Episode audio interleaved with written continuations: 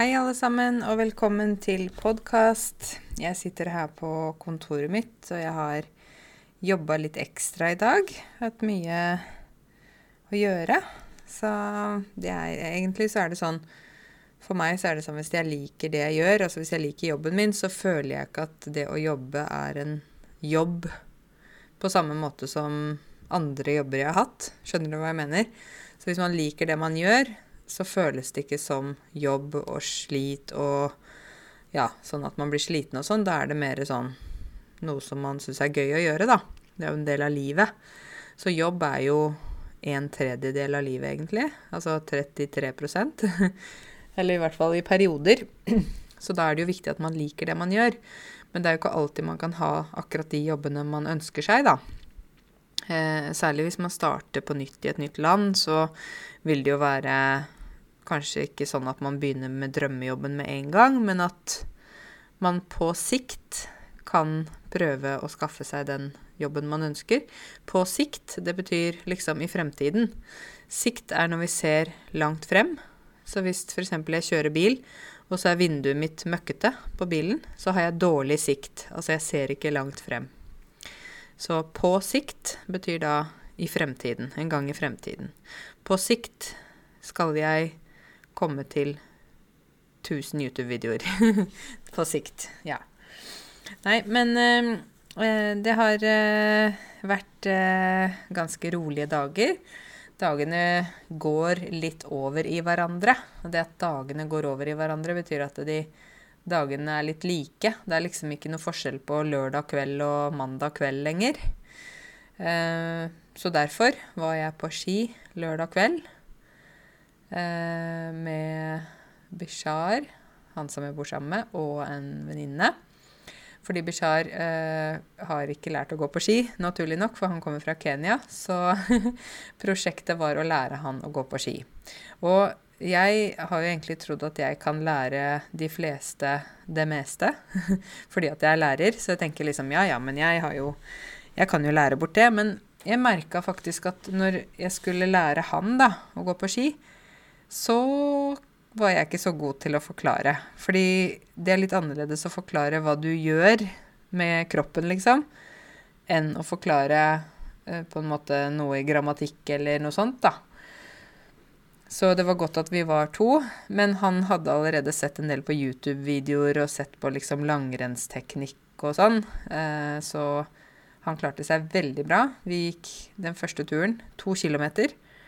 Og det er jo helt fantastisk, syns jeg. Både, det var både oppoverbakker og nedoverbakker. Um, oppoverbakker og nedoverbakker er jo selvfølgelig litt vanskelig hvis man ikke kan gå på ski. Fordi oppover så må du da gå det vi kaller for fiskebeint. Og da må du ha beina ut, som Charlie Chaplin. og så med skia. Så det som er vanskelig, er jo det å flytte skiene sånn at de ikke At du ikke får skiene oppå hverandre, sånn at du snubler.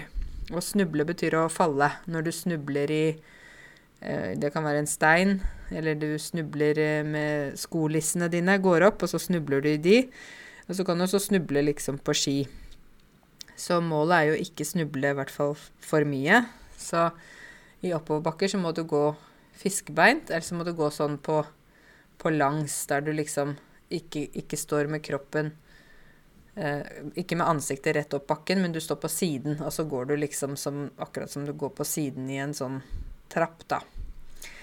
Og når du da skal sette utfor, og sette utfor betyr å kjøre nedover, eh, gjerne da på ski, da må du vite hva du gjør. eh, så det, det, jeg pleier å gjøre når jeg setter utfor, det er at jeg pleier å ikke å stå i sporet Altså sporet er de, de, sporene der man går, som er kjørt med maskin ofte. Men jeg pleier å, å, gå ut av sporet, og så ploger jeg litt. Og ploge betyr å ta Altså ikke Charlie Chaplin, men å ta skiene sammen. Sånn at du har litt mer kontroll, at du bremser litt. Og grunnen til at jeg ploger litt når jeg kjører nedoverbakker, er fordi det kan være is i sporet. Det kan også være liksom kongler, steiner, et eller annet. Um, så jeg vil gjerne heller ha kontroll på farta mi, så jeg ikke tryner. Og tryne Tryne betyr egentlig ansiktet til grisen. og tryne er et verb. Da går, da går, du med hodet først, og så bare Da blir liksom nesten ansiktet ditt som et grisetryne, skjønner du? Det blir sånn Nesa blir, begynner å blø, og ja, da tryner du. Hodet først. Du, du snubler, men med hodet først, og det er litt dramatisk. Så jeg vil ikke tryne, for det er jo sånn at vi voksne, når vi faller, så er det helt annerledes enn når barn faller. For barn har mindre kropper enn oss, og de faller ofte. Sånn at de tåler mer, de takler mer liksom smerten og Ikke sant? Mens når en voksen person faller, så er det sånn vi er høyere, vi er større, vi faller ikke ofte. Noen har benskjørhet. Benskjør betyr at bena i kroppen, altså i skjelettet, er skjøre. At noe er skjørt, betyr at det er svakt. Så jeg har ikke benskjørhet, eller beinskjørhet, som jeg sier på min dialekt, da, men det er jo en del som har det. Og da, hvis de faller, så kan de brekke noe. Da kan de brekke beinet, brekke armen, brekke håndleddet og sånne ting. Og brekke betyr Du vet når beinet brekker, så må du gå med gips. Ikke sant? Det vil vi unngå. Derfor ploger jeg når jeg eh, setter utfor i bakken jeg går på langrenn. Men Bishar, han, eh, han ploga ikke, fordi han visste ikke hvordan han skulle gjøre det. Og så sa jeg du må være forsiktig, du må være forsiktig. Ja, ja, ja, sier han. Og så bare satt han utfor.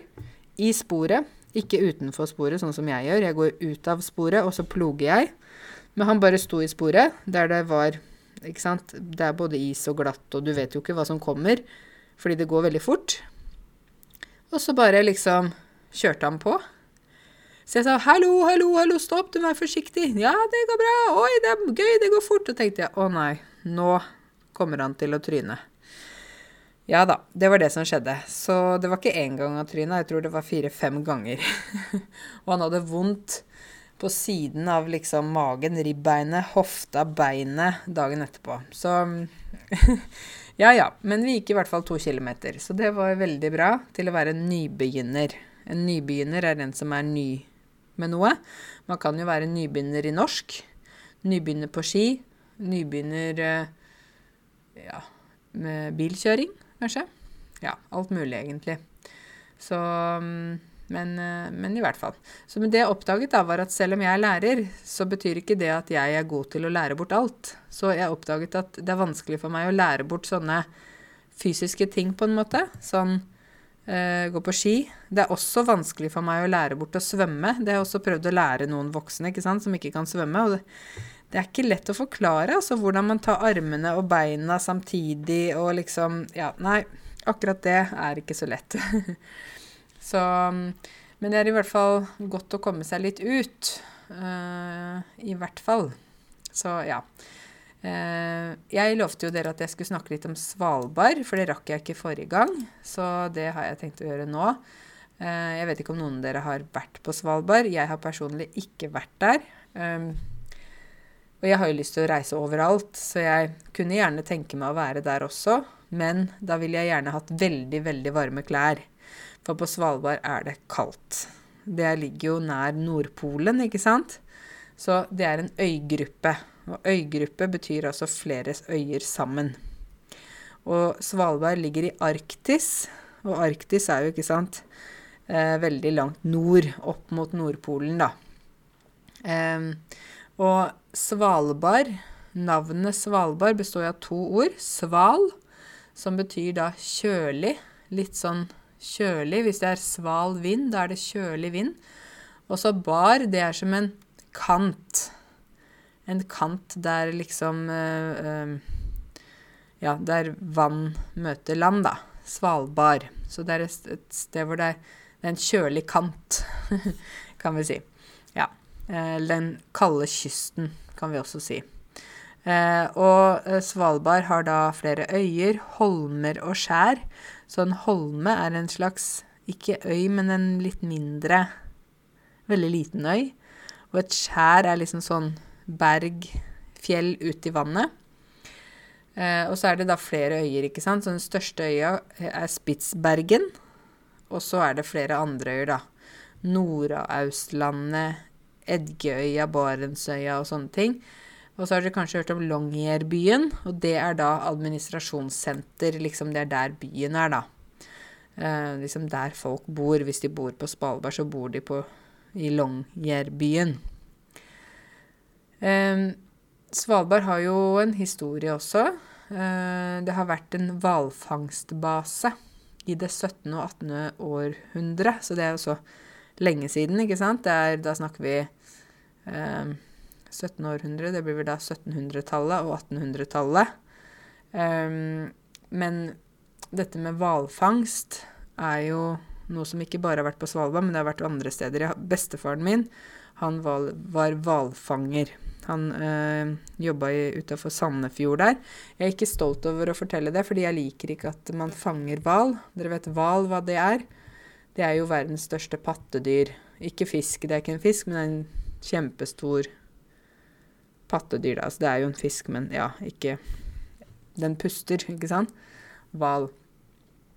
Så uh, Svalbard, der har de drevet med hvalfangst, men det etter hvert så flytta liksom hvalfangsten seg.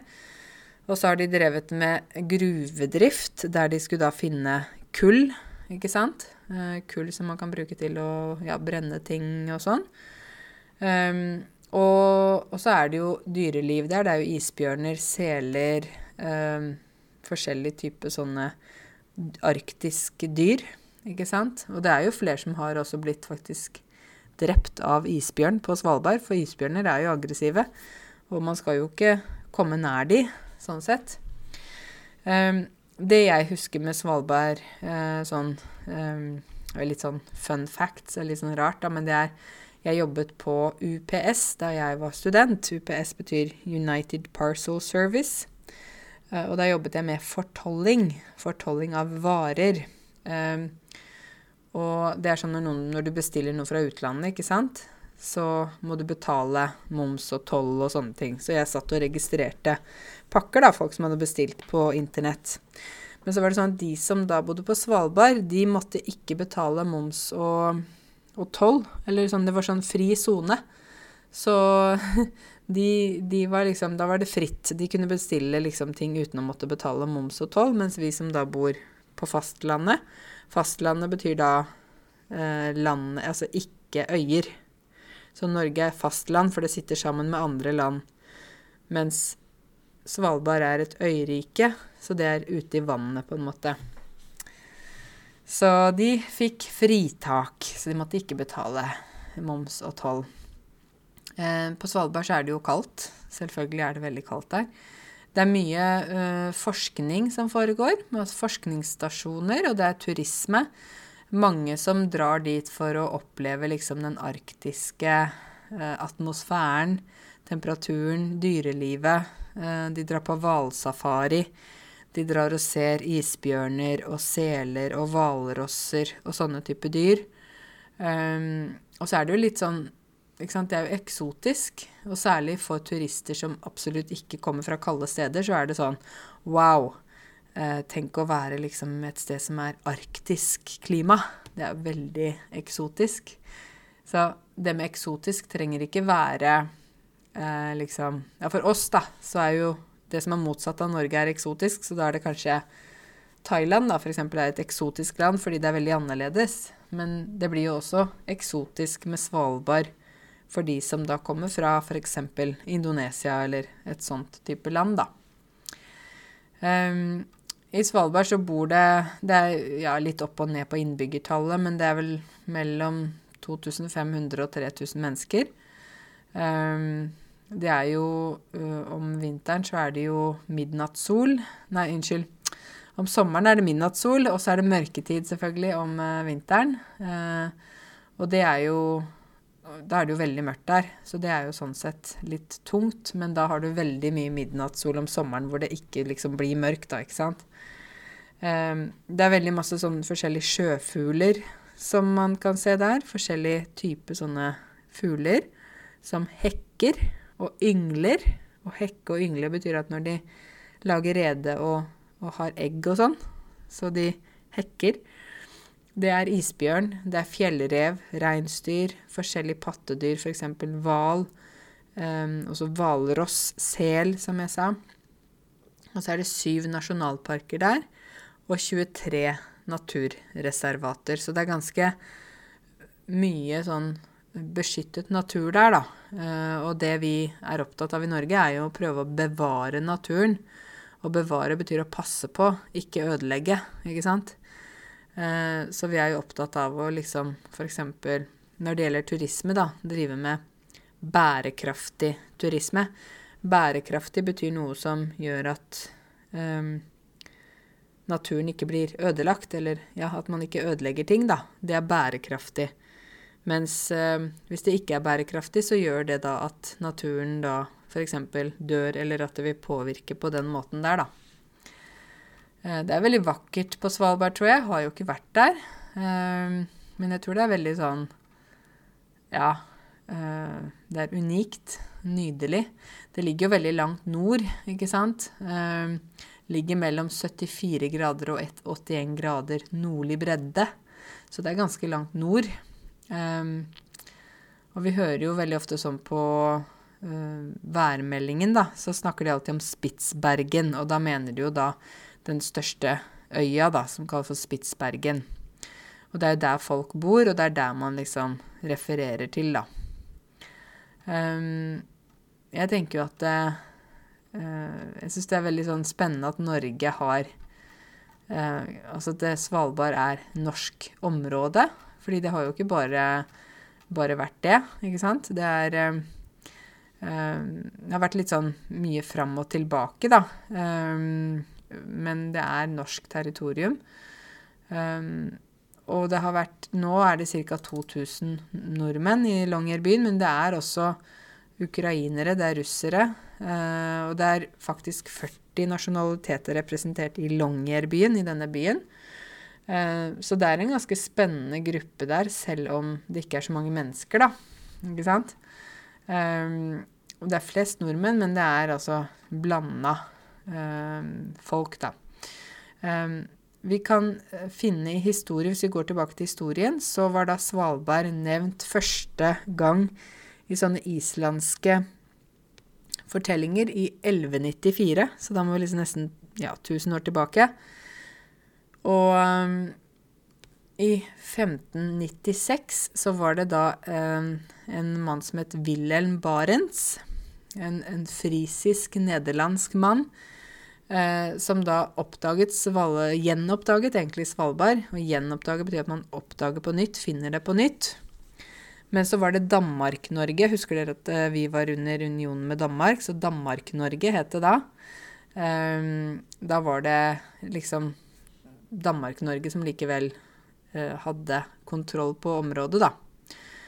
Um, og så var det da fra 1890 Da var jo ikke Norge helt et selvstendig land ennå igjen, men da, da, ba man Norge om at vi må gjøre krav på Svalbard. Altså vi må, vi må på en måte ta Svalbard da, før noen andre kommer og tar den. Um, og det tok lang tid før Norge faktisk da fikk Svalbard. Men eh, til slutt, i 17.07.1925, så ble da loven om Svalbard sanksjonert av det vi kaller for Kongen i statsråd. Kongen i statsråd er liksom når kongen da eh, eh, møter statsrådet, møter regjeringen, for å ta beslutninger. Det er liksom et slags eh, Hva skal vi si? Eh, uttrykk, eller ja Um, så 14.8.1925, da ble Svalbard offisielt overtatt av Norge. Og da var jo Norge et fritt land også.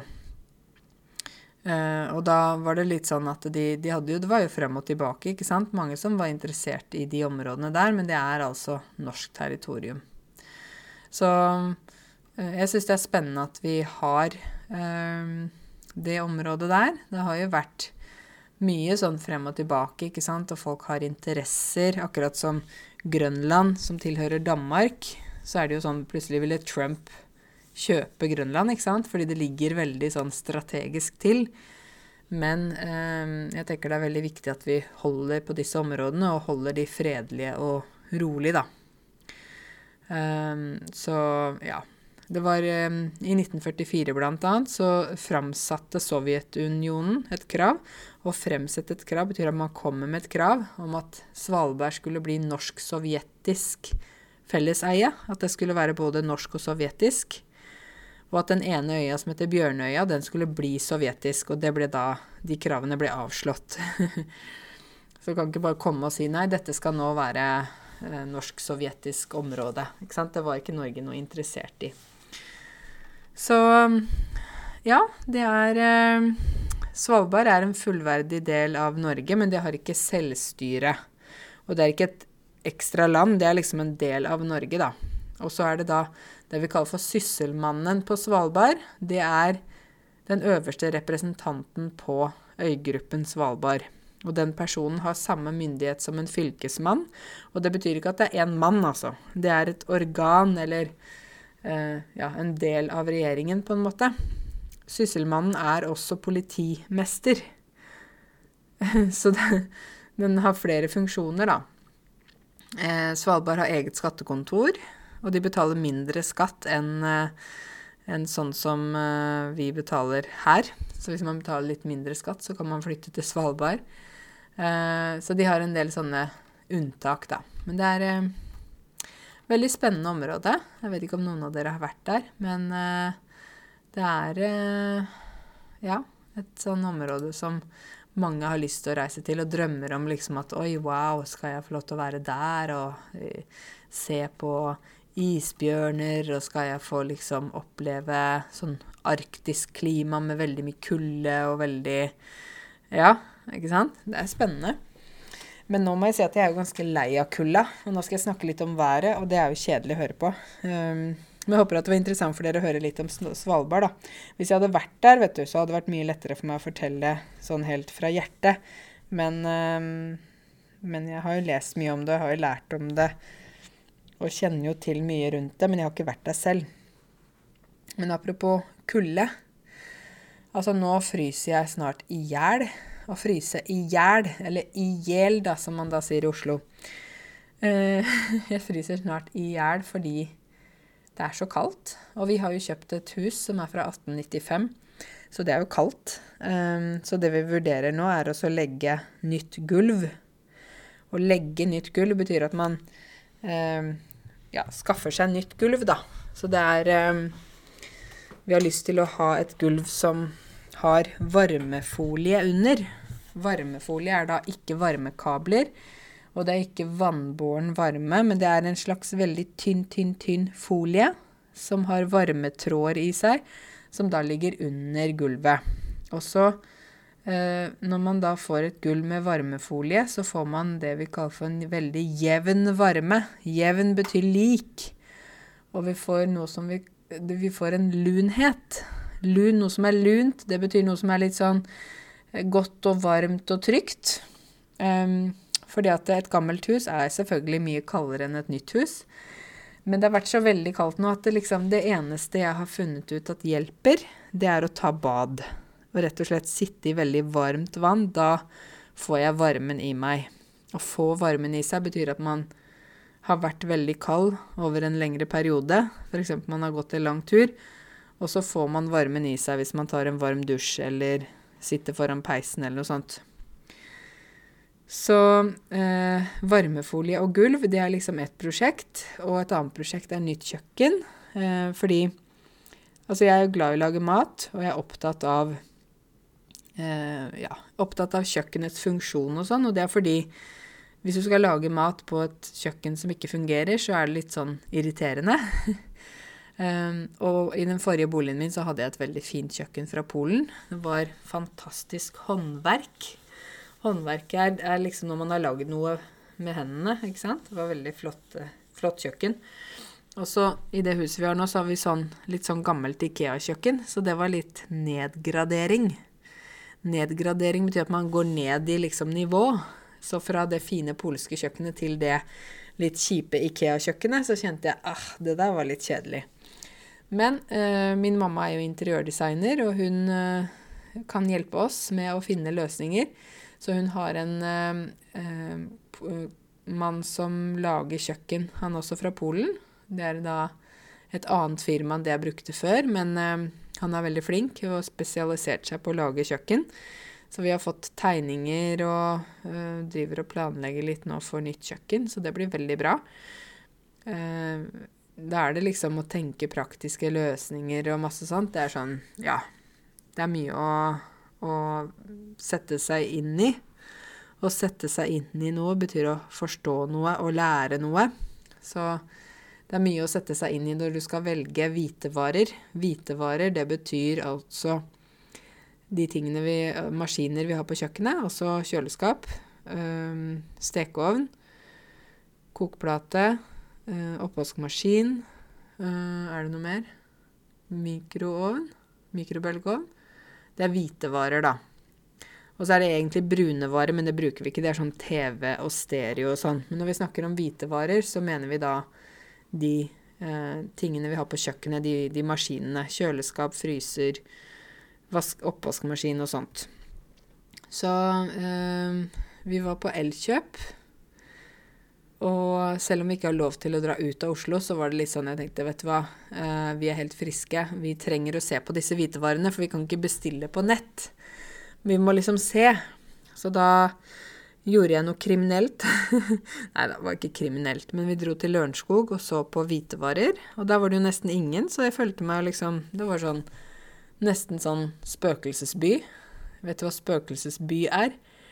Det er en by der alle er borte. Det er ikke folk der. Det er spøkelsesby.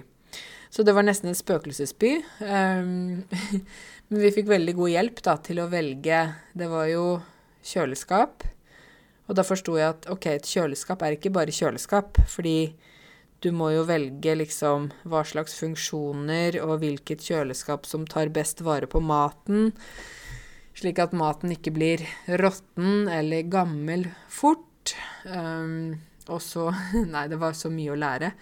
Og så var det oppvaskmaskin. Hva slags oppvaskmaskin? Hvordan skal den være? Eh, jeg vil gjerne ha god plass i oppvaskmaskinen. Den må vaske bra, den må tørke bra. Den må være rask. Ikke sant? Det er så mange ting å tenke på som jeg ikke hadde tenkt jeg måtte ta stilling til. Å ta stilling til noe betyr å vurdere noe. Så det var så mange ting jeg ikke visste at jeg måtte vurdere. Altså, det var så mange ting jeg ikke visste at jeg måtte ta stilling til. Annet hva slags oppvaskmaskin skal vi ha. Jeg tenkte at det bare er en oppvaskmaskin. En oppvaskmaskin er Men det er, det er ikke det. En oppvaskmaskin er ikke bare en oppvaskmaskin, skal jeg si deg. Det er mange forskjellige. og forskjellige priser og forskjellige funksjoner, ja. Så omsider, det betyr til slutt. Omsider fant vi en oppvaskmaskin som vi begge var fornøyde med. Og så var det komfyr, og jeg er jo veldig kresen på ting jeg skal ha når jeg først skal ha noe. Å være kresen betyr at man vil ikke ta hva som helst. Så hvis man er kresen på mat, da vil man ikke Da spiser man ikke alt. Noen barn er jo veldig kresne. Nei, jeg liker ikke det. Nei, æsj, jeg vil ikke spise det og sånn. Det liker jeg ikke.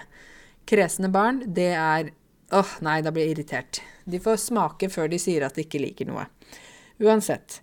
Når det gjelder interiør og sånne ting, da er jeg kresen. Jeg skal ikke ta hva som helst. Så jeg skulle ha stekeovn, og den skulle være helt sort. Altså ikke noe sølv, ikke noe metall. Det skal være helt sort. Og mikroovnen skal være også helt sort, og så sort eller svart. Det betyr det samme. Det skal ikke være noe sølv eller andre detaljer, det må være sort. Det var det jeg visste. Og så var det stekeplata, der man steker mat, ikke sant. Jeg syns nå høres jeg kanskje utrolig sær ut. Å være sær betyr at man er veldig spesiell eller uh, ikke så fleksibel. Vel, jeg var litt sær, da. Jeg skulle ha kokeplate, steke, eller sånn induksjonsplate, som var svart, men ikke hadde disse strekene der du ser hvor du skal sette kjelen. Jeg vil ha en som er helt svart, så du ser ingen da, ingenting, bare svart. Ja, så det fant vi. Og så var det vifte, kjøkkenvifte. Det syns jeg ikke er særlig pent, for de er så store. Og du vet, du skrur på vifta når du steker noe, og så kommer det sånn sånn grusom lyd. Og så syns jeg det er veldig stygt når vifta er så stor og synes, så jeg vil gjerne bare gjemme den bort. Så da fikk vi Da fant vi da en integrert vifte da, som var inni skapet. Eh, hva mer var det vi trengte da? Jo, vi skulle også ha en liten fryseboks som vi skulle ha på kjøkkenet. Fordi vi har nå to kjøleskap som står på kjøkkenet, men de skal flyttes ned i kjelleren. Så de kan vi bruke til bare sånn kald drikke og sånne ting, ikke sant? Det er jo litt, det er jo ikke noe vits å selge de når vi har mulighet til å ha de. Så det var liksom hvitevare på Elkjøp. Og da fikk vi sånn tilbud, og så må vi nå tenke på om det passer oss eller ikke, da. Så det var liksom eh, mye å gjøre der. Um, så da har vi ordna med det. Og dere vet, jeg er sånn veldig effektiv type. Jeg liker at ting blir gjort, og det skal bli gjort fort. Jeg liker ikke vente. Jeg, jeg har veldig problemer med å vente, f.eks. hvis jeg bestiller noe sånn, så er det sånn nesten sånn åh, nesten tortur for meg å vente på at ting skal bli ferdig, eller vente på at ting kommer. Så hvis jeg f.eks. har bestilt noe i posten, så prøver jeg bare å glemme at jeg bestilte det. Fordi jeg orker ikke tenke på at å nei, jeg må vente. ja. Så det er mange prosjekter på gang. Sånn er det jo når man bor i hus. Vi merker jo at det er mye mer å gjøre. Det er mer sånn det hele tiden er det støvsuge, rydde, um, fyre i peisen fordi det er veldig kaldt. Altså det er mange ting å tenke på, da. Samtidig så er det jo deilig å ha så mye plass. Det er jo fantastisk. Så Men nye gulv og varmefolie, da, da sa de at det vil hjelpe veldig mye. For da, da blir det ikke sånn kjempekaldt. For nå når vi går på gulvet, så er det så kaldt. Fordi gulvet er laminat, og laminat er, er altså plastikk. Det ser ut som tre, men det er ikke tre. Og da er det ekstremt kaldt å gå på. Så hvis du blir kald på føttene, så blir du kald i hele kroppen. Det er derfor sånn hvis du skal legge deg og du er veldig kald, da bør du ta på deg ullsokker. Ja, det er sant. Du må ha på ullsokker, og da blir du etter hvert varm på føttene, og da blir du også varm i kroppen. Så det er sånn triks, da, hvis du kjenner du er veldig, veldig kald. Så um, Nei, det er uh, veldig mange sånne småprosjekter, og det tror jeg mange har gjort mye av også siste liksom, året. At man pusser opp og maler og holder på og prøver å finne noen ting man gjerne vil drive med. Så ja, hvorfor ikke? Det er jo litt øh, gøy, da, å se litt forandring. Og ellers så har jeg lagd litt videoer på YouTube. I dag lagde jeg video om janteloven, for noen som lurte på det. Jeg har jo snakket om janteloven før, så jeg skal ikke gjenta meg selv. Men eh, dere får se videoen hvis dere lurer på hva janteloven er. Det er jo noe som vi dessverre har litt for mye av her i Norge. Her til lands. Til lands. Har du hørt om det? Til lands, til fots, til, til fjells. Um, det betyr jo liksom her i landet. Ikke sant? Ja. Um, så det er uh, ja, det er sånn det er. Jeg er sånn Jeg gleder meg jo til uh, å reise igjen. Altså, det var, var, en person som skrev Å, Karense, jeg, det er fint at du lager podkaster, men jeg savner podkastene dine om reising. Fordi før så lagde du podkaster, og du fortalte så spennende historier om steder du har reist, og ting du har sett, og opplevelser og mennesker du har møtt og Ikke sant? Og, og, jeg må jo si at ja, altså jeg savner jo virkelig å reise selv. Altså absolutt. Fordi jeg er veldig glad i å reise. Jeg elsker å se nye steder, møte nye mennesker, oppleve nye ting. Så for meg så er det bare sånn stort savn. Um, men jeg kan jo fortelle dere om, om, kanskje et par steder jeg har vært. Da bare mimre litt. Uh, hvis dere har lyst til å høre litt på Eh, noe om å drømme dere litt bort.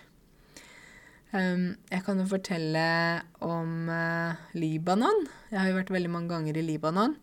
Og jeg har jo fortalt om det på podkasten min også. Men Libanon er et sånn spennende sted fordi man kaller det for Midtøstens Paris. Akkurat som man kaller Tromsø for Nordens Paris. Altså Paris er liksom en sånn når man tenker på Paris, ikke sant, så tenker man en vakker by, en uh, moderne by, moteriktig by, ikke sant.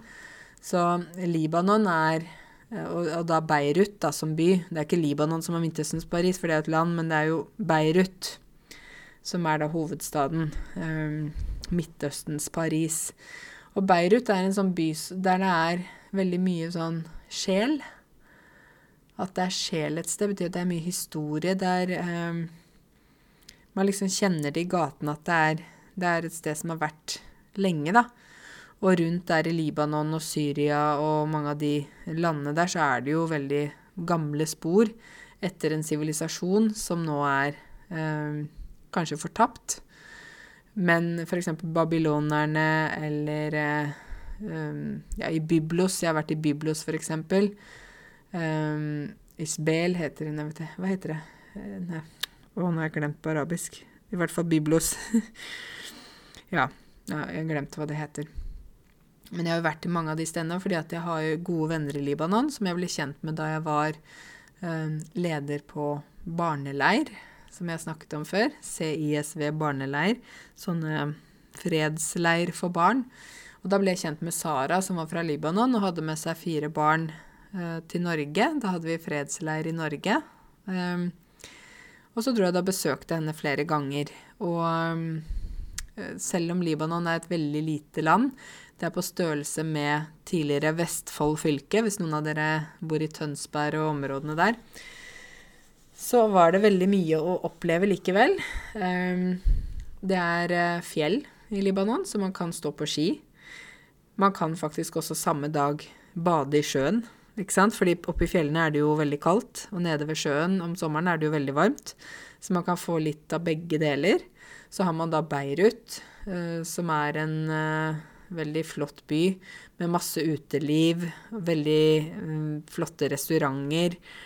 Det er liksom eh, Downtown Beirut, eller altså i sentrum av Beirut, så er det sånn eh, Beirut Souks, som er sånne Souk betyr jo marked på arabisk, men det er eh, på en måte et moderne kjøpesenter i litt sånn gammel stil, hvis du skjønner. Og kjempefin eh, sånn kino og sånne ting. Og så er det noe som heter Zaytuna Bay, som er Zaytun betyr jo oliven på arabisk. Og det betyr jo også på andre språk. Um, for eksempel tyrkisk er det vel zaytun eller zitun et eller annet. Den er veldig likt, da. Eh, så det er liksom olivenbukt. Eh, Bay betyr jo bukt. Eh, og der er det ligger sånne fine båter, og det er sånne restauranter, og ja, der er det også kjempefint. Um, oh, jeg tenker Nå begynner jeg å drømme meg bort når jeg, uh, når jeg tenker på dette her. Uh, men er, jeg tenker at det er veldig sunt å drømme litt. Da. Man må ikke glemme ikke sant? Hvordan ting egentlig er, eller hvordan Ja. Den, den verden som vi egentlig lever i. Så hvis dere skal til Eh, Libanon noen gang. Så Zaytunay Bay er da veldig fantastisk. Det er litt sånn som Aker Brygge, på en måte. Men der er det da fine restauranter. Det er eh, um, sånn hyggelig man går langs vannet, ikke sant. Og de har bygd det, da. Det er veldig flott. Um, og så uh, kan man dra uh, på forskjellige sånne private strender der det er um, man må betale for å komme inn, da, men det er veldig flott som badebasseng, og man får servert mat og Ja, om sommeren, da, så er det veldig fint. Og så er det masse historiske steder, ikke sant. For eksempel da eh, Jata, Jata Grottos. Det er sånne grotter som man kan liksom dra inni med sånn båt og sånn. Husker jeg det var veldig flott.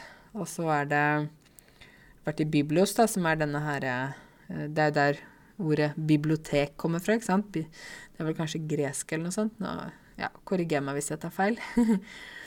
men øh, ja. Øh, men mest av alt så er det jo sånn Libanesisk mat er jo helt, helt fantastisk mat. Altså, jeg elsker den maten. Og alt egentlig, når vi tenker på Når jeg tenker på et land som har mye å tilby, da, som ikke er så langt unna Norge, så vil jeg anbefale Libanon. Det var jo her i, i uh, fjor, var det det? Uh, ja, var det ikke i fjor? Hvor, uh, hvor det var denne her eksplosjonen. Det er jo bare så tragisk. Nede ved havna der, ikke sant? Hvor det var, ble eksplodert inni et sånn derre havnelager. Um, nei, det var bare helt tragisk, og da hørte jeg med mine venner, ikke sant, som var Som er da uh, libanesisk og bor der, og de bare De sa det er altså så utrolig uh, tragisk. Det er utrolig trist. Det er liksom sånn Vi har hatt så mye krig, vi har hatt så mye elendighet. Og så kommer da denne her bomben, da, ikke sant. Eller sånn Det var ikke bombe, men det var jo en eksplosjon som ikke var egentlig krig. Men det da på en måte ødela så mye. Og en venninne av meg som heter Nivin, hun sa til meg at eh, ja, vi satt i stua til pappa, og plutselig eksploderte det. Og stakkars gamle pappa satt med glass over seg og blødde fra hodet. Og ja, det var veldig tragisk. Så Libanon har jo også vært et land som har vært veldig uheldig da, på mange måter, fordi at eh, det ligger veldig sånn midt i, midt i et sted som er litt betent. Du vet betennelse når du har et sår ikke sant, på kroppen. Så eh, hvis du har et sår f.eks. på hånda, da. Du har eh, kutta grønnsaker, og så skjærte du deg. Og så hvis du får bakterie i det såret, så blir det sånn gult, ikke sant. Det er betennelse. Og da tar det tid før det blir bra igjen. Så vi kan si at eh, nede i Midtøsten der, da, i Libanon, det området der, så er det veldig sånn betent område. Skjønner du? Ikke betent som på, i et sår, men det er betent liksom politisk, religiøst og sånn. Um, så Libanon har jo hatt eh, masse kriger og masse problemer, og det er stor, altså masse korrupsjon, og det er Ja, det er ikke lett heller mange forskjellige religiøse folkegrupper. Men de klarer egentlig å leve side om side. Men um, så kan det være ytre ting, da, som gjør at det blir konflikter, ikke sant. Så uh, ja. Men jeg vil jo si libanesere er ganske humoristiske, da. De sier bare ja, ja. Hvis det er en bombe, så går de og sa at 'nå må vi ta selfie, se det er bombe bak meg, se her er det en bombe, ok, selfie'. så de har sånn det vi kaller for galgenhumor. Det har jeg forklart dem før, ikke sant. At de tuller med liksom Ja, tuller med alvorlige ting, da.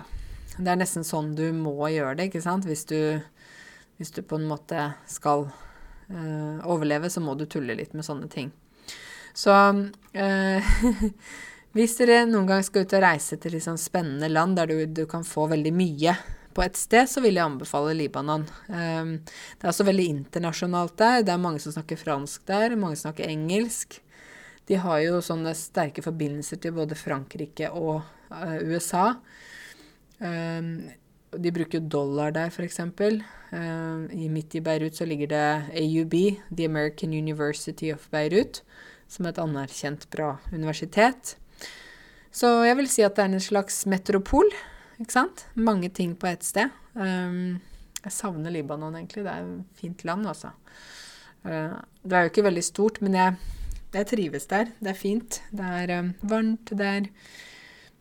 Den arabiske kulturen, det er arabisk språk, det er deilig mat. Og så er det moderne. Det er ikke sånn veldig strengt religiøst eller noe sånt. Det er liksom Du går kledd som du vil. Er du religiøs, er du religiøs. Er du ikke det, så OK, det er greit. Altså liksom Folk aksepterer hverandre, da. Og det syns jeg er veldig fint. Fordi med en gang man begynner å blande seg bort i hvordan andre folk er liksom, Hvorfor gjør du det, og hvorfor spiser du den maten, og hvorfor har du ikke på deg de klærne, og Da blir det konflikt, ikke sant? Hvis man kan la folk få lov til å være den de er, da blir det så mye bedre, tenker jeg. Så nei, eh, Libanon og Beirut Veldig, veldig fint eh, både land og by, altså. Så jeg har vært ned mot eh, ned mot Sur, Sud, eh, ja, ned mot grensa til, til Israel, Palestina. Men jeg kom ikke over der, da. Men jeg var helt ned der. og jeg var også i Saida. og det er liksom også en by sør mot, altså mot Sør-Libanon, men det er ca. en time unna Beirut, da. Så nei, mange spennende steder i Libanon. Anbefaler å reise dit. Eh, og så får vi bare Ja, istedenfor å tenke på hva vi står i nå, hva vi står i betyr hva, hva slags situasjon vi er i, så tenker jeg bare videre fremover. Jeg skal ut og reise. Hvor skal jeg reise? Jeg skal planlegge. Å, så spennende. Jeg må lese mer om de stedene jeg skal dra til, og alt det der. Jeg vil heller tenke sånn enn å tenke 'å nei, så kjedelig alt er, og korona og sånn'. Nei. Jeg vil tenke på det positive. Så dere, bli med meg og drøm. Eh, Eh, si gjerne ifra til meg hvis det er noen temaer dere ønsker at jeg skal snakke om i podkasten. Nå snakka jeg om Svalbard. Det er det noen som har spurt meg om jeg kan snakke om. Så hvis dere har andre temaer som jeg ikke har snakket om, som dere gjerne vil at jeg skal snakke om, så si gjerne ifra.